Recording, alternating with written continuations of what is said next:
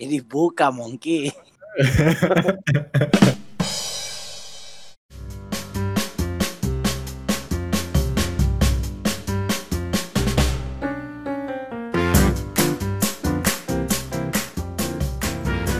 Eh, gue yang buka ya? Oke. Iya, Halo. sayur. Eh, halo semuanya. Kita ketemu lagi di podcast Orang Demot episode 2. Bersama saya Aksa, sama Pandu, Riansyah, dan Yo. Halo. Oi, Halo. Nah, akhirnya aman lagi. bahas apa nih? Setelah berapa Mbak, lama ini ya? Setelah sebulan mungkin ya. Setelah Oh, iya. ribu-ribu wacana ya. di sekitar sebulan kita nggak rekaman. Iya. Sekarang subscriber udah 100 ribuan ya kalau nggak salah ya. Mantap. 100 ribu tuh. Cepet cek. Yang dapat beli ya 90% lah. Ya, kemarin-kemarin kan kita kita bahas eh, update-update kehidupan kita selama apa? Habis WFH dan segala macam gitu kan. Sekarang kita Hmm. ngomongin apa nih? Kayaknya kan udah mulai nggak WFH ya, udah mulai ibaratnya Apa sih new istilahnya normal. tuh WFO ya? WFO. WFO. Ya padahal mah kerja aja gitu ya. WFO kerja, kerja, iya, gitu kan. sebenarnya kerja biasa gitu. Sama-sama aja kerja. Iyo, gimana tuh? Kita bahas itu aja ya, gimana perasaan kalian sejak mulai WFO dan mengingat eh, pandemi ini kan kok kelihatannya tambah parah ya. Pintas dari kasus-kasus positifnya tuh tambah banyak gitu. Kemarin itu tuh? gue tonton di berita Amerika 70 ribu loh sehari. Gila ya. Hebat juga. Sehari Iya. ya? Gila. Sehari 70 ribu pak. Itu Gila. sama dengan jumlah kita yang positif sekarang ya. Sekarang kan kalau nggak salah udah 72 ribuan kan ya. Iya kita udah enam jalan Oh. berapa bulan dari Maret eh, empat bulan lah ya. Maret. 70 ribu di satu hari 70 ribu. Iya, Gile. mantap ya. Tapi tadi gua bilang juga sih gue sempat ngobrol sama istri juga Hmm. nggak bisa disamain karena kapasitas rumah sakit di sini sama di sana kan beda. Di sini mungkin Hmm, 2000 iya. sehari udah kewalahan. Di sana dengan cepat bisa dibikin rumah sakit baru. Jadi ya nggak usah Iya. kita pikirin. Cara jumlah orang juga di sana lebih banyak kan, hampir dua kalinya kan. Jumlah orang ya kapasitas yang juga. Ya relatif lebih banyak sih. Cuman kan memang ya GDP-nya juga lebih tinggi. Macam-macam lah faktornya. Iya. Jadi nggak perlu terlalu Hmm. khawatir. Gimana, Duk? Di eh, di Kalimantan ya, di sana. Hmm. Kerjaan Yoi. gimana nih? Kalau gue sih sama seperti yang di info kemarin sih. Intinya kalau di field gini mm, nggak ada istilah WFH, masih tetap WFO.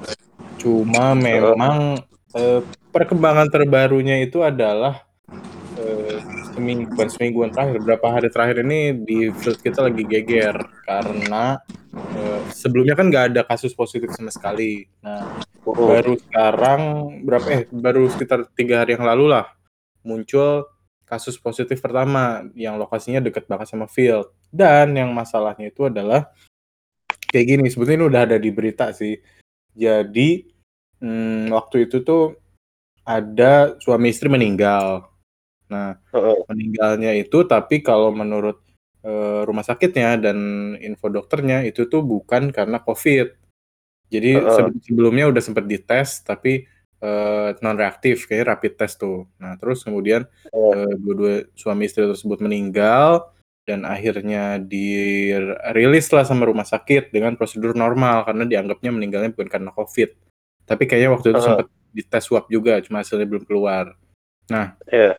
sampai sini eh, kemudian diproses lah ya pemakaman seperti biasa. Ada orang datang mandiin dan kemudian ngelayat terus kemudian eh, ya dikubur rame-rame. Eh ternyata setelah beberapa hari kemudian muncullah hasil tesnya positif covid, langsung lah kalang kabut orang-orang kemarin itu info terakhir eh, yang di swab itu sekitar 200-an orang itu tuh Heeh. yang pada ngelayat. Tapi barusan sih akhirnya eh, hasilnya keluar eh, dari 200-an itu yang positif ada dua orang.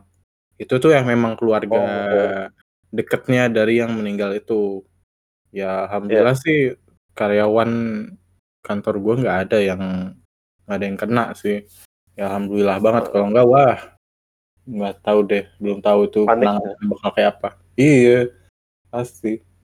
Cuma ya makanya belum tahu juga nih karena kan intinya sekarang tuh dari yang awalnya nggak ada kasus mendadak ada kasus eh Iya. nanti penyesuaiannya di kantor bakal kayak apa itu apakah akan Hmm. tetap eh, business as usual ataukah akan ada perubahan pola kerjanya nah itu masih di menunggu gue juga Eh, tapi kan di kantor ya. Kalau di tempat tuh tinggal gimana? Kan walaupun dekat-dekat kantor tapi kan pasti lu nggak 100% interaksinya sama orang kantor kan. Mungkin ada warga lokal atau tempat lu beli makanan atau segala macam itu gimana?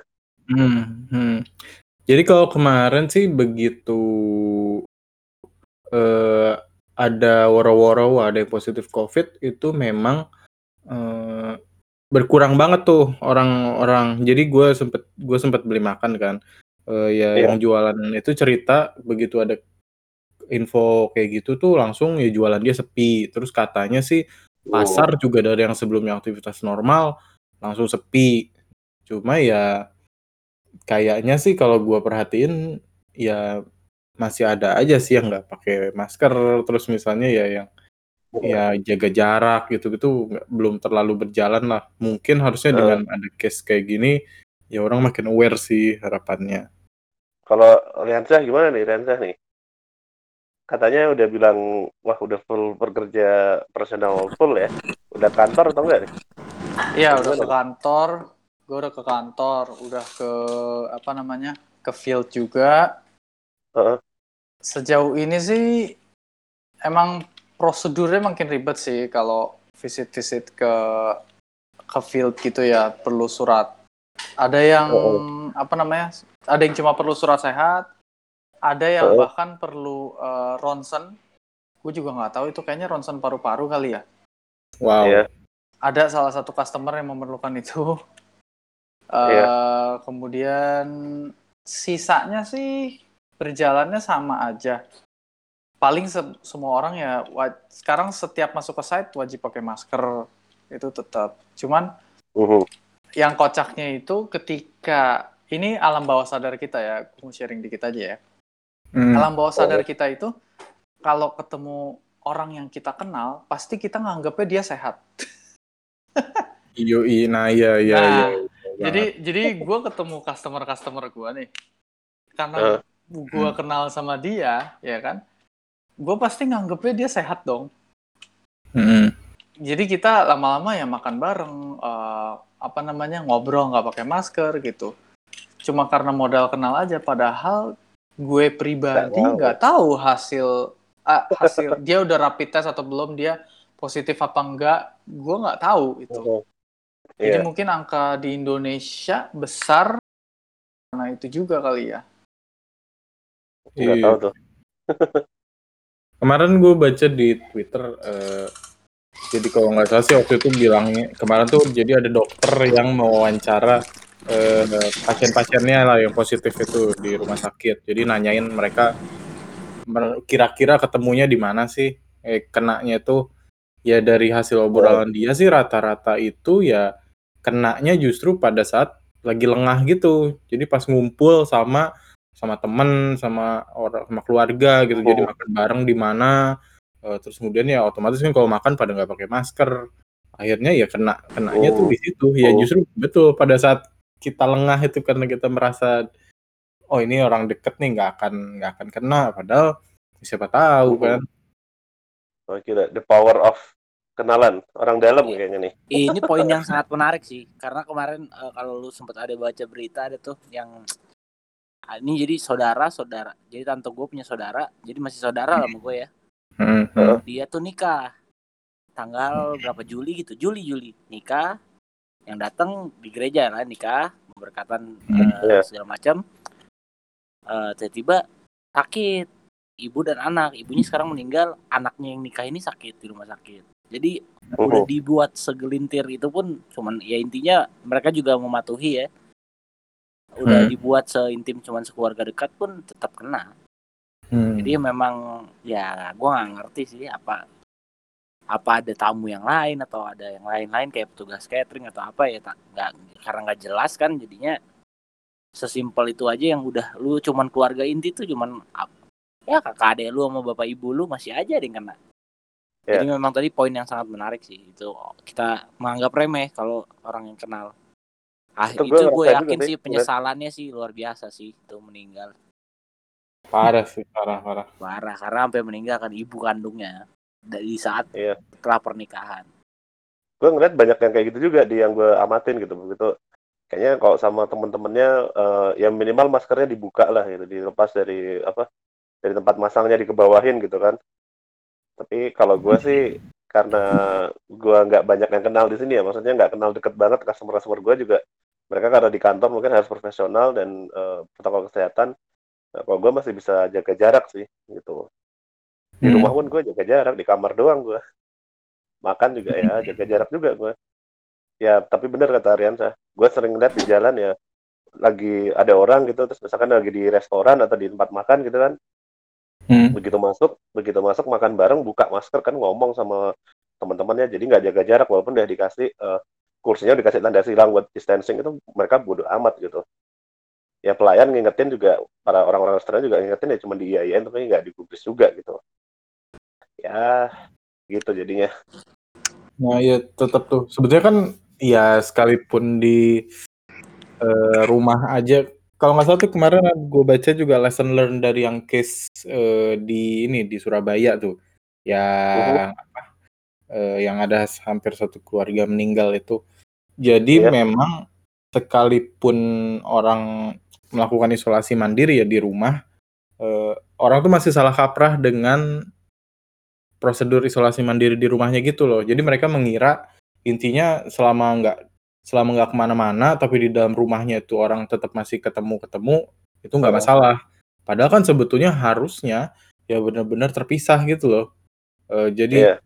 jadi ya udah misalnya masing-masing punya kamar ya udah di kamarnya sendiri-sendiri karena kan memang untuk menghindari eh, interaksi terus ada pertukaran ya entah entah pegangan atau atau ngomong terus tadi si dropletnya kena gitu-gitu itu yang bahaya terus kan belum lagi Iya.